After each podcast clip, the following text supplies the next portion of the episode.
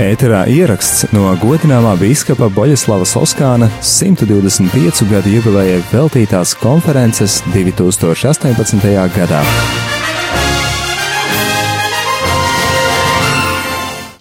Kā redzam, paplašinās, paplašinās. Vismaz man tāds iespējas radās šis dialo, diskusiju temats. Tagad lūksim Neldu Janoviču. Jā, labi. Neldu Janoviču arī padalīties par saviem iespējām. Labdien! Man prieks būt šeit. Un jāsaka, pārsteigums, tas arī ir Dieva brīnums, ka esmu šeit. Paldies Ievai! Jo Ieva man uzrunāja tādā brīdī, tādā dienā uh, un tādos apstākļos, ka es vienkārši teicu, jā, es nākšu. Es, protams, biju tāds sakautrējusies, jo nu ko gan es varu pateikt lietās, kur jūs esat ļoti stipri un zinoši, bet es varbūt pastāstīšu no praktiskās puses, kā, kā es savā dzīvē esmu saskārusies un ko es saprotu un kā redzu. Pirmkārt, prieks man bija, un jā, manā dzīvē daudz prieka. Es tādu šo vārdu lietoju, tā kā pati klausos un jūtu. Jo man bija iespēja Boļeslavas Loskānu iepazīt, lasīt. Tieši šobrīd, gatavojoties šodienai, es izlasīju gan ievas atsūtītos priešlasījumus, gan filmas. Un es sajūtu un sasaucās manī, o, oh, man tagad tirpiņas iet īstenībā, jo tieši tas pieskāriens, nu tas ir tas, ko es jau esmu šobrīd saņēmusi. Tāpēc, ka es teicu jā, jā. Uh, bet sākšu pēc kārtas. Īstenībā domājot par saistību ar varakļāniem, te pirmais vārds un ar priesteri līdzībās ir par aicinājumu, jo aicinājums, viņš tā kā dzirkstele, viņš ir iekšā, un tu pats viņam piedzīvo, varbūt samulsti praktiskajā ārējā pasaulē, piedzīvoja tādu iekšēju dzirksteli aicinājumu. Uh, mana pieredze ir un mans aicinājums jums sekojiet. Un nekautrēties, nebaidoties. Viens aicinājums man bija, es tagad atceros, septiņu, desmit gadu vecumā, nu kā es šobrīd bērniem stāstu smējos, es gāju ar draudzeni uz veikalu. Nu, tie bija, es esmu 66. gada, 50 gadi, nu tad 6 gadi, tad 40 gadi atpakaļ. Uh, Un, e, kad redzēju vecus cilvēkus, kas nes smagus tīkliņus no veikala, kā es smējos, mēs ņēmām no tīkliņus, lai palīdzētu aiznest uz māju. Un tagad es domāju, nu, kas tas bija bērna prāts, un kāds tur prāts, nu nekāda prāta, ne tur mācīs. Nu, tā tad tas bija kaut kas, kas ir iekšā, jā, un tad tur, kam mēs malku piedāvājām palīdzēt. Bet šodien es saprotu, un es aicinu jaunatni, tas ir vispār kolosāli, ka jūs te esat. Pamēģiniet, un vispār nav svarīgi, kādā vecumā mēs esam. Pamēģiniet, nu, lūk, šādi, nu, tik tāds sajūta, ah, un cilvēks šodien vienu kundzīti atveda pa ceļam, un saprot kaut ko, ka tu izdari pats, ir tā, tik labi. Un, un zini, kas ir galvenais, ko es sapratu? Īstenībā neko jau vairāk nevajag, viss jau ir noticis, lai būtu labi. Nav nekādas nākotnes gaidas, ka vēl kaut kam viss, tu kaut kādu momentu un ir labi. Un viss. Un, un, nu, tāpēc ir teikts arī augstās mācībās, ka dariet labu, priecājieties par cita uh, sasniegumiem, un jums nekas nav jādara. Es to esmu piedzīvojis. Un par varakļāniem runājot, tad, kad es jau, mm, nu es esmu praktiķis, tāpēc es tās, tās lietas, um, tad, kad es uh, strādāju algotu darbu, man pirmā izglītība ir tirzniecība, es biju preģisene Madonas vairumtirzniecības bāzē. Un, un atkal, kas tas bija? Eh, Varkļānos kādreiz bija bērnu nams. Es to vispār nestāstu, bet ir sajūta, ka šī ir vide, kur es drīkstu stāstīt, un ja man saka, nu tad es dalos. Un varbūt kāds atceras, bija bērnu nams pareizi, un, un es neko nezināju par to bērnu namu. Es neesmu bijā nekad bijusi, a tagad viņš ir vai nav? Jā. Nu, redz, visi bērni ir ģimenēs. Arī labi. es tā ceru. Un, uh, Un es no savas algas, nu, cik tā alga? Jā, maza atkāpe. Es arī, mm, kad jau apprecējos, un tad es arī biju precēta jau tajā laikā, mēs arī esam nodevuši piena stikla pudeles, lai nopirktu maizi. Nu, visi esam gājuši ar kaut kādiem notikumiem, vairāk, mazāk. Jā. Un, un to arī vajag bērniem stāstīt, jo viņiem kādreiz liekas, ka tev ir tā, kā tagad ir, ir visu mūžu. Nu, nav, ir dažādi. Bet uh, man bija atkal tas ir aicinājums, tā ir līdzcietība, man tas vārds tāds ir. Uh, Um, un es gāju pa kluso. Man vīrs, es nezinu, vai tagad zina. Viņš man nav prasījis, ja prasīs, es teikšu. Uh, es gāju uz Madonas pasta nodaļu un pārskaitīju no algas uh, ziedojumu varakļānu um, šim te bērnu namam. Toreiz jau varēja nenorādīt vārdu uzvārdu, ziniet kā. Tur. Un a, kas tas bija? Man pat gribas teikt, ne jau es tā biju, ne jau tur. Ja? Bet saprotat, neuzsverat to, ka es jums tagad nesko tur stāstu. Ne par to. Es par to domāju, ka tas ir kaut kāds iekšējs aicinājums. Tas, kā mans, kā fiziskas personas nopelna, tur nekāda nav. Nu, tagad, um, nonākot līdz šai dzīvei, šim dzīves posmam, ir jāsaka, un sasaucoties ar Boļeslavas Loskāna vērtībām, šis vārds aicinājums - mīlestība mīlestība, šī beznosacījuma mīlestība. Es esmu, protams, dažādos pusauģa gados, un tiešām ar gadiem viedums, prāta dziļums mainās. Un caur to, ka mīlestību saprot tikai kā bērns vai kā jauniete, kurai atklājas mīlestības jūtas un sajūtas, Kaut gan es tur arī biju diezgan asketiska, jāsaka.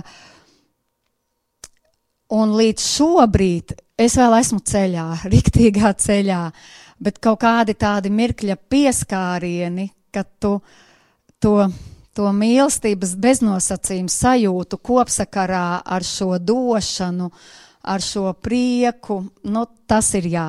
Tas ir, ziniet, mans aicinājums un mana pieredze ir uh, ikdienā domāt par mūžīgo, domāt par augstākām vērtībām, e, turēt, pat mazgājot traukus, es varu e, šo te savu kā, kodolu centrālo šo domu virzīt. Un kur virzās doma?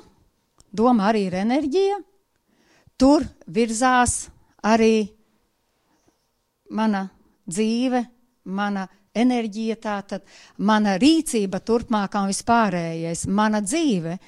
Nu, tās ir um, Konfūcijas, ja te arī paldies, man arī senie domātāji ir cienījami un tuvi. Un, un šobrīd es jums dalos tikai ar sava prāta augļiem, kā saka Konfūcijas, bet eh, plūkt šos augļus un ņemt, tā ir jūsu izvēle. Ja? ne man to lemt. Lūk, šo te turēt, šo te apziņas stāvokli. Un manā, es esmu praktiķis, tiešām, un man ļoti patīk praktizēt. Un tiešām es to praktizēju, mazgājot traukus. Es vispirms mācījos koncentrēties, ja mazgāju traukus, mazgāju traukus. Tas ir koncentrēties, būt tur, kur es esmu. Un tad nākamais, kad jau es mazgāju traukus, tad es mazgāju traukus un nevis tur domāju par krenķiem pagātnē vai sapņiem nākotnē, to malā. Bet nākamais, ko šobrīd tātad šo apziņu celt uz augšu par mūžīgām vērtībām, un tā ir tā ticība, šī vērtība. Un to es ļoti sajūtu arī priesteras Loskāna spējā izdzīvot Tāpēc, ka, nu, ā, es runāju, man ziniet, kādas skudriņas skrien līdz augšai. Un, un, un mana sap, sajūta ir, pat nesapratne, bet sajūta, ka tas tāpēc jau viņš tur izdzīvoja. Jo viņam tas ārējais, kā viņš mīlēja uh, to, kuru mums būtu pilnīgs iemesls saukt par ienaidnieku. Ja? Tā normāli, visi pat saprastu, nu kā. Uh, tie, kas sūtīja uz izsūtījumā, bet viņš to redz savādāk. Un man šogad arī ir bijusi tā iespēja dzirdēt un redzēt stāstu Lidija lasmane, ja, uh, tur sasaucas, ja, šie te, un, un tie ir tie pieturas punkti, kurus mēs turam, kas mums, un tad viss pārējais, tas ir īstenībā tik maz svarīgs. Jā, cik man šodien tur ēst, labi, nelabi, kas man darbā notiek. Nu, pa lielām, nu, ziniet, tāpat tas notiek, atnāk pāriet. Un tā, un noslēdzoši, es gribētu arī aicināt tas, kas ir šobrīd, uh, divas lietas. Viena lieta, es aicinu darīt, um, nebūt vienaldzīgiem, bet būt tieši, es negribu šo vārdu nebūt teikt, bet gribu teikt būt, uh, būt, saprotat, tā kā līdzatbildīgiem, bet tādā vieglā, vat viegli, jo tā atkal mūsu noskaņojums, ko dariet, dariet viegli un paņemat līdzdarbojieties. Tā kā Ieva, tā kā Valters Krause, Madonā, trīs ar pus gadi, četri atpakaļ, taisam koncertu, darām. Un saprotat, notika brīnumu lietas. Madonā parka ielā seši, visa ēka pārveidota, atjaunota. Uh, šobrīd es aicinu visus 3. decembrī Madonā būs brīnišķīgs koncerts. Jā, sūtīšu arī ziņu. Nāciet šī labdarība, kur sasaucas uh, tātad politika, pašvaldība ar iedzīvotājiem, ar uzņēmējiem. Bet ja jūs jūtat vismazāko sirds impulsu, vai jums kāds no malas šo impulsu iedod, tad sakiet jā, un ir normāli, ka ir bailes. Man bija milzīgs bailes, milzīga nedrošība. Ziniet, es esmu biznesa sieviete vairāk kā 19 gadi, pirms tam 6 gadu valsts ieņēmuma dienas tā valsts pārvaldē strādāju. Bet tādas bailes es vispār sen nebiju piedzīvojis, kāds es piedzīvoju labdarību organizējot. Ja? Un, un vai man tur neizmetīs pa tām durvīm, un vispār es tik jocīgi tā kā runāju, kaut ko prasu. Un tad es divas lietas iemācījos. Viena man atnāca caur daļai negulētām naktīm, satraukumiem, lūkšanām. Redz, tas jau atkal uzreiz lūkšana aktivizējas, viss notiek superīgi. Un man atnāca vārds teikums, ar Dievu viss ir iespējams. Jā, un tas brīnišķīgais ir, ka šobrīd es esmu zvērnēta revidenta. Es eju pie uzņēmējiem, ja? un es eju pie grāmatvežiem, un tā ir ļoti nu, praktiska lietišķa vide, bet es saku, un es esmu ar sevi sarunājis, jo man ir brīži, kad man nāk vārdi. Un man liekas, nu kā es tā teikšu, viņš ir atnācis uz konsultāciju, man nāk vārdi. Tad es saku, nē, sevi sarunāju, ka es teikšu, kas man nāk ārā. Nu, Prūnīgi tā kā ne pa tēmu. Uh, Jo negribēs, nenāks, nu, kas, nu, būšu brīva, nebūs darbs, lai vīrs gādā, forši brīva sieviete. Un tas pārsteigums bija, es atceros, tie bija Daugopils klienti, es pati Daugopilī dzimusi, jā, es jau tāds latgaļs, es moku latgaļiski runot, es tik nerunāju ikdienā, jā, es visu saprotu, uz Aglūnu braucu, visu savieji. Labi, ejot pakaļ. Un, Un tad, kad es tam klientam pateicu, ko es jūtu, es pat neatceros, bet man pašai tas bija tāds, es kā sevi par pasnieku saucu. Un viņš teica, jā, jā, un viņš sāk par kaut kādām vērtībām, garīgām, ko runāt. Un tad es sapratu, tā ir jādara. Tā tad ar Dievu viss ir iespējams. Un otrs. Mhm, redziet, tagad man aizvēra lauku. Tā tad nekas. Es ļaujos. Es neteikšu. Ja man būs jāsaka, tad es pateikšu to vēlāk. Paldies, lai jums viss izdodas, jums viss izdodas, jo viss ir iespējams, jūs visu varat. Lai gaisma mīlestība. Paldies. Eh, liels, liels paldies! Mēs redzējām tikko Sloskāna brīnuma apliecinājumu, tā kā jau kaut kas uz kanonizēšanas pusi var būt. Bet man jums ir jautājums, eh, kā biznesa pasaule, mūsdienu biznesa pasaule var būt saistīta ar augstākajām vērtībām - mīlestību, pašaizliedzību, pašatdevi? Bet tas ir iespējams jūsu darbā, jā, bet citur. Absolūti, jā, pilnīgi visur, noteikti. Jo ir interesanti, kad mēs, ja ikdienā runājam par darbiem, biznesu. Es arī biznesa konsultēju un visas šīs praktiskās lietas. Jā, mēs runājam ļoti lietišķi visu, un, un tad atnāk ir kaut kādi krēņķi un kas, kas, un kuram kāds rūpes problēmas. Un, Un, ziniet, nu, tāpat vienmēr sanāk pieskarties. Es jau vairs nevaru tam nepieskarties, ja, šīm te vērtībām. Un tad, kad mēs kaut vai tēju dzerot vai es, es nevaru pateikt, kāds notiek, bet pieskaramies. Jūs saprotat, cilvēks, oh, parunājam par to. Un ir tā sajūta, jā, par šito tagad parunājam.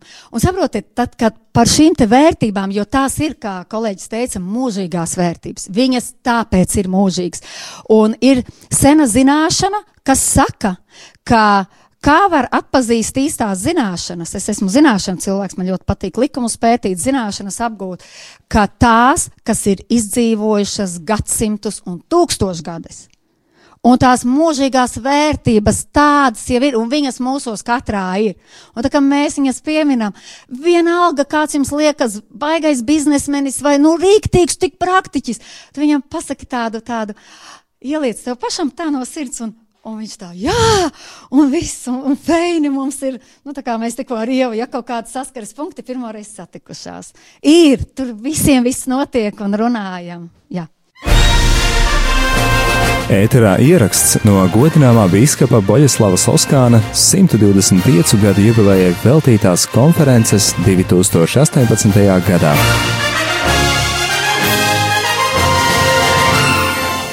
Tagad lūgsim ievu izpausties, jo laiks iet un lai mēs. es varbūt sākšu ar to, ka es esmu juriste, praktizēju Rīgā, birojas man ir Rīgā. Uh, Un mana, eh, nu, faktiski, jā, profesionālā dzīve norit Rīgā, bet man ir ļoti noteiktas saitnes ar Latgali. Mans paps nāk no Varakļāniem, Antons Broks. Un uh, arī mēs šeit ciemojamies pie, pie radiem, un uh, šajā sakarā esmu uh, aizkustinoši pārsteigta par šo ievas zepas darbošanos šajā uh, apkārtnē un ar lielu pateicību, ka esmu uzaicināta dalīties ar savām domām un savu pieredzi. Te ir tāda garīgā pērle un uh, tiešām. Uh, priecājos par jums visiem, kas, ka, kam, ir, kam ir iespēja baudīt šo, šo tādu gaismu, kas nāk no cilvēkiem, kas darbojas kultūrā um, un reliģijā. Um, es varbūt sākšu ar to, jā, par latgaliešu valodu kaut kas ir jāmin, vai ne? Es uh, labāk nerunāšu latgaliski, jo tas būs tāds vājš mēģinājums, lai gan mans uh, paps runā latgaliski un viņš visu laiku pārdzīvo, ka es to nedaru. Un es teicu, ka ja man vajadzēs, es to varēšu darīt, lai kaut kādā veidā pieslēgtos un pateikt, ka tomēr es uz pusi esmu latgaliete. Uh, bet aiz cieņas pret šo valodu es labāk to nedarīšu. Runājot par to, kas es šodienai gatavojoties, es ar lielām cerībām, ka es par cienījamo Boļislavas Loskānu iegūšu vairāk nekā es zinu, eh, kas arī ir apliecinājies, par ko esmu pateicīgi par visām zināšanām, kuras jau līdz šim un informācija, kas ir izskanējusi. un tātad tajā sadaļā, kas attiecās uz mani, es mēģināšu pieskarties tām vērtībām, ko Sloskāns ir, uh, kas viņam ir bijušas svarīgas, ko es varu savā dzīvē, ko es saredzu un ko es arī saredzu tādā ļoti pragmatiskā uh, jomā kā jurisprudence, tātad tiesības zinātne. Mēs uh, parasti, juristi, mums ir arī ļoti skarbi joki savā, tāpat kā mediķiem, tā arī juristiem. Kādreiz uh, mums ir sevi jābremzē, jo mēs esam sarkastiski, mēs esam kādreiz pārūpji, ka mēs runājam par kaut kādām lietām, jo mēs risinam problēmas. Mēs palīdzam cilvēkiem gan būvēt kaut ko jaunu, gan risināt arī to, kas ir kaut kur iestrēdzis, un tas pamatā ir kaut kādu personisko attiecību, kaut kādu vērtību kolīziju rezultātā. Un tad mēs tā domājam, kas tad ir jurists, un te es nebūšu oriģināli, tas nav mans teikums, ir, um, bija mums tāds uh, cienījams kolēģis, uh, advokāts Niedra, viņš jau ir aizsaulē, un tad viņš teica tā prātīgi, viņš bija tāds viens no vecajiem advokātiem, kuros vienmēr visi ieklausījās, nu kas tad ir jurists? Un viņš tā teica, nu tas ir kaut kas starp ārstu un mācītāju. Nu tad tie esam mēs juristi. Kaut kas starp ārstu un mācītāju, jo mēs, eh, jā, mēs palīdzam cilvēkiem risināt praktiskas lietas, problēmas, rakstam līgumus, ejam uz tiesām, bet mēs arī palīdzam cilvēkiem nonākt pie lēmumiem, kāpēc kāda rīcība un tā rīcība ir jau tas, tas tā, tās rīcības rezultātam ir kaut kādas noteiktas juridiskas sekas. Ja? Tas jau tā kā aizvelk uz ļoti tādu praktisku lietu. Es esmu sagatavojis arī sev tā teikt drusku materiālu, pie kura turēties, lai es neaizrunājos. Um, ja mēs skatāmies, tad es esmu civiltiesību jurists. Es, uh, krimināla tiesības nav mana specifika, un es arī tā pārāk nemīlu šai, šai jomai pieskarties. Un civiltiesības ir tās, kur arī ļoti daudz šīs pamatvērtības, kuras šodien ir izskanējušas, arī ir faktiski nostiprinātas. Tātad tiesības kā tādas, tātad tas ir tas rāmis, kurais, kurā mēs sabiedrība šajā valstī, tāda kāda mums ir, demokrātiska republika, mēs esam pieņēmusi šo rāmi. Un šis rāmis mums ir likumi. Tātad likumi kurus mēs jau citā valodā arī sakam, normatīvie tiesību akti. Te jau atkal terminoloģijas jautājums, un cilvēki, te var pamācīt, ļoti bieži jūs lasat kādreiz dokumentus, kur ir garlaicīgi, garlaicīgi neko nevar saprast. Kaut kāds līgums man iedot parakstīt, ai, es viņu nelasīšu, es tur neko nesaprotu. Uh, bet, nu, silts ieteikums tomēr ir jālasa un jāmēģina saprast. Ja? Un tātad tie, tie likumi ir tie normatīvie akti, un vārds likuma došana ir likumu radīšana. Ja? Likuma došana nav likumi, likuma došana ir likumu radīšana. Tā ir tāds terminoloģijas jautājums, ko ļoti bieži cilvēki jauc. Bet tātad mūsu pamat civiltiesība, varētu teikt, ka Tāds pamatlikums ir civillikums. Par to droši vien ļoti daudz ir dzirdējuši, uh, Latvija, es teiktu, ka ir bagāta ar to, ka mūsu civillikums, nav tagad vēsturiski radies nesen, tātad um, pēc otrās neatkarības atgūšanas, bet mums ir vecais civillikums, kas ir pieņemts 1937. gadā, un mēs viņu esam atjaunojuši, un mēs joprojām at atjaunojot neatkarību atzinām, ka tas pamatlikums civiltieskajām attiecībām ir gana labs, vēl ar vecajiem formulējumiem, vēl ar, ar nu, viņš, protams, ir daudzkārt grozīts un uzlabots, bet tomēr tas pamatrāmis, tās pamatvērtības ir tās pašas Latvijai. Un eh, viena eh, civil likuma pirmais pāns ļoti zīmīgi saka, ka par tiesībām un pienākumiem, ka tiesības, mums ir tiesības uz visu kaut ko, bet mums ir arī pienākumi. Tātad tiesības un pienākumi ir izmantojumi pēc labas ticības. Tieši šāda vispārīga it kā frāze, un šo frāzi mēs arī ļoti kādreiz tādos skrupulozos strīdos, kur mēs pantus un punktus piesaucam, tad, kad ir skaidri redzams, ka varbūt šo konkrēto attiecību neregulē neviens normatīvais akts, bet ir pilnīgi skaidrs, ka cilvēks rīkojas ne pēc labas ticības. Tad ir šis civilikuma pirmais pants. Uh, tā ir tā cilvēka apziņa, kas ir, ir pēc labas ticības jāizmanto. Pat ja tas likums pasaka, varbūt tas formulējums, tā valoda nevienmēr pasaka tā, kā tam būtu varbūt jābūt, un dažādas arī izpratnes, dažādas interpretācijas ir likuma tekstam. Bet kāda tad ir tā labā ticība, kā šīs tiesības ir izmantojams un pienākumi arī izmantojumi? Un paralēli tam pastāv dažādi ieradumi. Nu, mēs tā parasti darām. Mēs parasti iedodam likumu parakstīt, līgumu parakstīt pēdējā lapā, nu, ko tu tur lasīsi, jo mēs tā parasti darām. Ierašas nevar mainīt tos likumus, ko mēs visa sabiedrība esam pieņēmuši, ka tas ir par labu. Tā mēs tagad rīkosimies, jo citādi būs pilnīgs, pilnīgs haoss, kurā tad vairs nevarēs saprast, kāda tad ir mūsu savstarpējās šīs praktiskās attiecības. Tad, kad tātad, un, un likumi kā tādi ir jāskatās pēc to, jālasa pēc to jēgas. Tad kāpēc tas likums tāds ir rakstīts? Tātad šis likums grib kaut ko noregulēt, kaut kādas attiecības. Un kāpēc tieši šai jomā ir regulējošie dažādi ministru kabineta noteikumi, dažādi saistošie noteikumi, pašvaldībām noteikumi? Tā tad ir saskatīta sabiedrības saredz, ka ja mēs šo, šī attiecību modeli neieliksim kaut kādā rāmī, tad būs vieni strīdi Un arī tad ir strīdi. Tiesas mūsu ir pārpludinātas ar tiesvedības procesiem, eh, kur dažne dažādi tātad gan cilvēku rīcības rezultātā, gan likuma dažādas interpretācijas rezultātā cilvēku viedokļu sadurās. Nu, un tad mums ir mūsu instruments ir tiesa, kuru regulē attiecīgs likums par tiesu varu, un tiesa ir neatkarīga. Tātad paralēli mūsu likumdošanas un izpildu varai mums ir neatkarīga tiesu vara. Tas ir ļoti būtiski, lai valsts varētu pastāvēt, un tieši šī neatkarība ir ļoti būtisks, lai tiesnesis varētu būt pilnībā neatkarīgs no jebkā, varētu spriest tiesu. Un arī nu, tā tad tiesnesim ir ļoti, ļoti augstas prasības izvirzītas uh, par to, kā, jo no tiesneša viedokļa, no tiesneša lēmuma ir ļoti daudz, kas atkarīgs cilvēku dzīvē. Kāds būs spriedums, kā, š, kā šos likumu rāmi uh, tiesnesis piemēros, pēc tam mūsu dzīves var būt ļoti daudz atkarīgs no tā. Un, um, gribēju, nu, tātad runājot par tiesas spriešanu, tas arī mums ir likumā ierakstīts, ir tātad civil procesa likums, kas nosaka, kā tad šīs civiltieskās attiecības ir izspriežams, un tas, tas formulējums ir, ka tiesa novērtēt pierādījumus, to visu loku, ko cilvēki ar savu problēmu ir atnesuši pēc savas iekšējās pārliecības. Tātad tam ir jābūt tiesnesim, ir jābūt tādam cilvēkam, kuram šī iekšējā pārliecība ir pareiza, labā ticībā veidota, kas ir pamatots tātad notiecīgi ar tiesas sēdē pārbaudītiem pierādījumiem, materiāliem. Tiesnesim ir jāvadās pēc savas tiesiskās apziņas, kā viņš izprot likumu vispareizākajā veidā un balstīt uz loģikas likumiem, zinātnes atziņām un dzīvē gūtajiem novērojumiem. Ja? Un, uh, tas ir, ko parasti kādreiz, ja kāds nav apmierināts ar tiesas uh, nu, teiksim, nolēmumu, saka, nu, ka tiesnesis nepareizi lēma, ka tādi nav un pareizie novērojumi, vai tas nav pēc loģikas.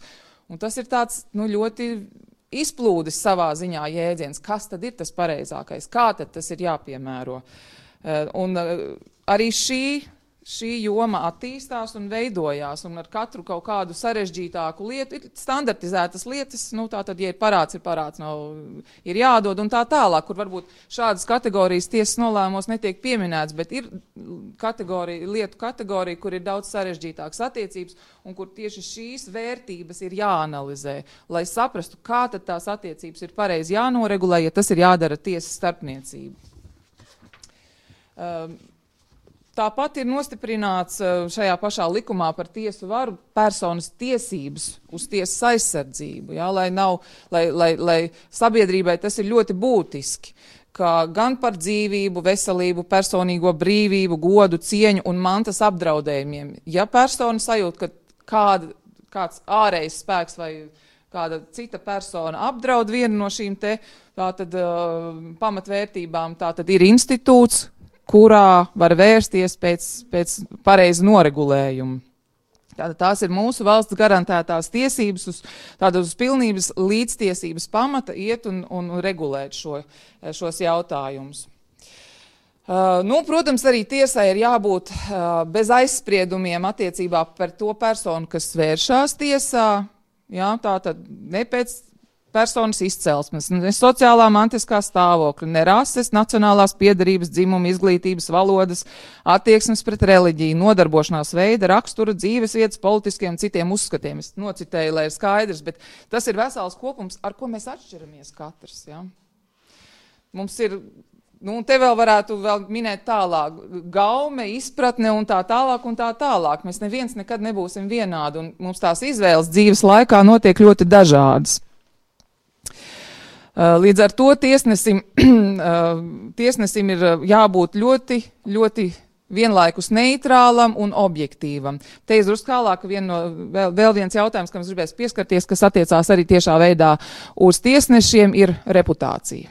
Tas ir tāda jauna lieta, kas ir tieši tiesību zinātnē ienāk šobrīd regulējumi, bet pirms tam es drusku atliekšu atpakaļ, par ko es gribēju runāt, ir, kas daudz ir dzirdēts, um, praksē, sadzīvē, saskaroties ar dažādām praktiskām lietām, uh, kur jūs saskaraties ar likumu, ir tāds termins vai tāda, teiksim, tāds institūts kā rūpīgs un gādīgs saimnieks, kas arī ir pamatojās šajā te pamatvērtību, kas tad ir rūpība, kas tad ir rūpīgs gādīgs saimnieks. Tātad šajā pašā civil likumā tas ir nostiprināts un ļoti daudz, kur uh, skatoties attiecībās, kā, kā, kā viens pret otru izsars, nomas attiecības, darba attiecības, pirkumi pārdevumi, aizdevumi, ģimenes attiecības, dažādi uzticības, teiksim, uzņēmuma vadība, valde.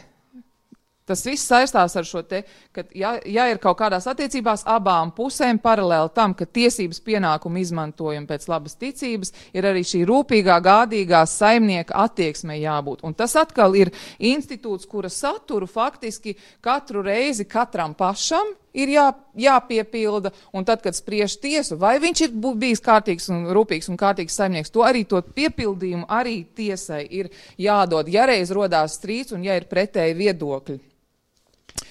Un, eh, un faktiski no, no cilvēka rīcības var rasties tiesība aizskārums. Nu, kādas personas tiesība aizskārums un attiecīgi katras tiesība aizskārums, kaut kāda neatļauta rīcība, kas pārkāpj likumu vai ētikas vai kaut kādas pieņemtās, nu, ja tas nav tiešā veidā regulēts normas, tā tad var rasties kaitējums šī, šī, šī rezultātā, vai otra puse var uzskatīt, ka ir radies kaitējums, tad kāda varētu sakot rīcība?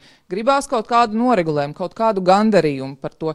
Um, līdz ar to e, mums arī likumā, likumos, nu, te, teiksim, es paņēmu šo civil likumu, bet arī vairākos citos normatīvos aktos parādās šī morālā kaitējuma institūts. Kas tad tas ir? Tas ļoti daudz ir dzirdēts, un kādreiz cilvēki to lieto. Uh, nu, plašāk nekā varbūt likums to regulē, bet tāpat laikā paralēli kaut kādam materiālam zaudējumam ir arī šis te morālais zaudējums, kas ir faktiski tāds nu, neizmērāma lieta.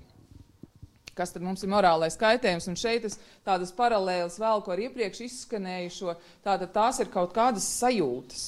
Ja? Uh, Tātad morāli, ko mēs no likuma viedokļa saprotam, kas ir morālais kaitējums, tātad fiziskas vai garīgas ciešanas. Tas ir tātad, šis ir tātad no likuma, vai nu, tātad likuma interpretācija. Tātad, kas ir izraisīts ar neatļautas darbības rezultātā nodarītu cietušā nemantisku tiesību pār, tātad, um, uh, aizskārumu. Nu, kā tad atlīdzināt šo morālo kaitējumu? Apmērs nekur nav noteikts. Nav neviens likums uh, pateikts, ja, piemēram, uh, Uh, nu, tu man neatdevi parādu, vai, vai, vai ārsts nodarīja kādu nepareizu manipulāciju, tāpēc cik, cik tas maksā? Cik maksā sāpes, cik maksā sliktas domas, cik maksā nervi, cik maksā uztraukums? Tas nekur nav pateikts. Ja? Mēs to veidojam paši, pirmām kārtām pasakot, cik tu esi pacietīgs, vai šis bija ļoti aizskaroši, vai tas tomēr ir tā, ka es to piedodu uzreiz. Vai tomēr es iešu uz tiesu un man vajag 5 eiro, vai varbūt 1000 eiro, varbūt miljonu vajag. Tas ir absolūti tāds nenosakāma apmēra tāda vērtība, bet tāpat laikā mēs arī to nevaram atstāt pilnīgi neregulētu. Tāpēc arī likumā šis te morālā kaitējuma institūts ir, bet lielā mērā tātad, un likums pasaka, ka, tas tiek izlemts apmērs, un vai vispār tāds ir radies, tas tiek nodots tiesas ieskatam vērtēt, vai tāds ir radies. Uh, Latvijā par morālo, morālo kaitējumu faktiski viņš ir tādā attīstības, uh, šis institūts un tā aizstāvēšana tiesā ir tādā attīstības stadijā. Viņš jau pastāv sen un sen, bet tieši iztiesāt. Ja? Un, uh, faktiski mūsu tiesas ir piekopušas tādu, es teiktu, piesardzības ceļu, ka nu, mums tas, kas notiek Amerikā par vienu tārpu McDonaldā miljons un tam līdzīgi, to mēs esam dzirdējuši, tas liekas kaut kāds tāds, un tas arī ir nereāli, jā, jo tas tā pārspīlēti, hiperbolizēti, uh, tomēr, uh, nu, Mēs negribētu iet to ceļu, bet tāpat laikā vai, vai kaut kāda citas personas tīša vai nolaidības rezultātā nodarīta kaut kādas fiziskas un garīgas ciešanas ir kaut ko vērtas. Pirmām kārtām droši vien es tā uzskatu kā juristi. Jautājums ir par apmēriem katrā situācijā un arī morālā kaitējuma atlīdzībai kaut kādā materiālā formā ir arī kaut kāda prevencijas funkcija. Kad, lai tomēr vairāk nekad negribētos tā darīt, lai to pārkāpumu ņemtu pietiekami nopietni, lai, lai, lai nekad vairāk tā neatkārtotos. Un tāpēc ir tas, nu, tā, tā, tā materiālais sots ir nepieciešams, lai mūs disciplinētu savā ziņā. Protams, es neiedziļināšos tajās traģēdijās, kā bija Talsu traģēdija un Maksimas traģēdija. Tur viss šis tiesību loks arī tiks tas tur būs. Ja? Un tās ir tās skaļās lietas, bet paralēli tām ir ļoti daudz, nu, tādas da, daudz mazākas lietas, par kurām mēs nedzirdam, kas ir tiesās, no kuras arī tā tiesu prakse Latvijā veidojās. Um, jā. Ko es vēl gribēju, eh, faktiski, jā, kam es pieskāros un gribēju atgriezties, um, domājot par šodienu. Mm, runājot par tiesību zinātni, ir, kāda ir jaunuma, jo tik daudz jau, jau varbūt ir dzirdēts, um, ko dara juristi, jurisprudence un tā tālāk, bet viena no tādām uh, lietām, kas ir šobrīd vairāk nostiprināta likumā, normatīvajos aktos, uh, kas, ko, ko mūsdienu dzīve, modernā dzīve ir parādījis, ka ir nepieciešams regulēt ar reputāciju vēlēšanām tikai nedaudz pieskaršos. Arī tas skars šo te, teiksim, kad, kad mēs vērtējam konkrētus cilvēkus, mēs viņus izvirzīsim kā labākos, arī tur ir reputācija. Bet kāpēc reputācija šobrīd? Eh, tieši, um, tieši tāpēc, ka kaut kur sabiedrībā šis reputācijas jautājums ir palicis kaut kurā brīdī noteiktām profesijām vai amatiem ir, ir, ir zaudējis savu, nu, kaut kādā veidā svarīgumu, un uh, cilvēku uzvedība ir kļūsi dažkārt tāda, ka cilvēki uzskata, ka reputācija vairs nav vērtība, uh, Un tieši tāpēc ir noticis kaut kāds atgriezeniskā saite, ka vairākos normatīvos aktos tieši nevainojams reputācijas institūts ir atpakaļ nostiprināts kā pamatkategorija, kurai cilvēkam ir jāatbilst, lai varētu ieņemt kaut kādu amatu. Tiesnešiem tas ir pats par sevi, uh, revidentiem arī tas ir, kā mums maksātnespējas administratori, mēs arī esam maksātnespējas administratori, un vēl daudz dažādām, jā, dažādām profesijām uh, ir, bet varbūt, uh, piemēram, deputātiem tas ir tikai tādā, uh, nu, retorikā. Likumā tas nav nostiprināts. Varbūt vajadzētu, un varbūt ir ļoti daudz normatīvi akti, kas regulē noteiktas kaut kādas jomas, kur šīs nevainojamās reputācijas institūts būtu jānostiprina.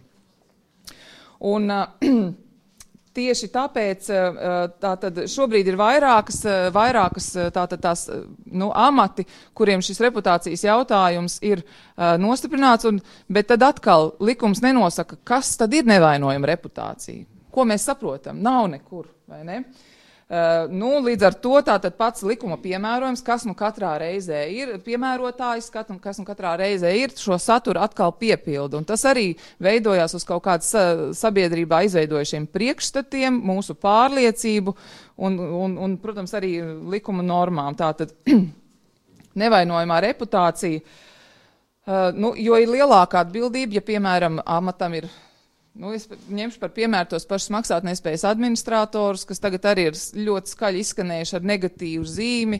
Arī šī ir profesija, kurā, kurā ir šī nevainojamās reputācijas eh, latiņa uzlikta šobrīd samērā nesen, ka tu nevari šādu darbu darīt, ja tev ir, nav nevainojama reputācija. Tātad, ja tavā rīcībā tiek nodot kaut kādi noteikti aktīvi citu uh, personu, kreditoru intereses, parādnieku intereses, tad tu nevari būt tāds, kurš, kura reputācija uh, tiktu apšaubīta.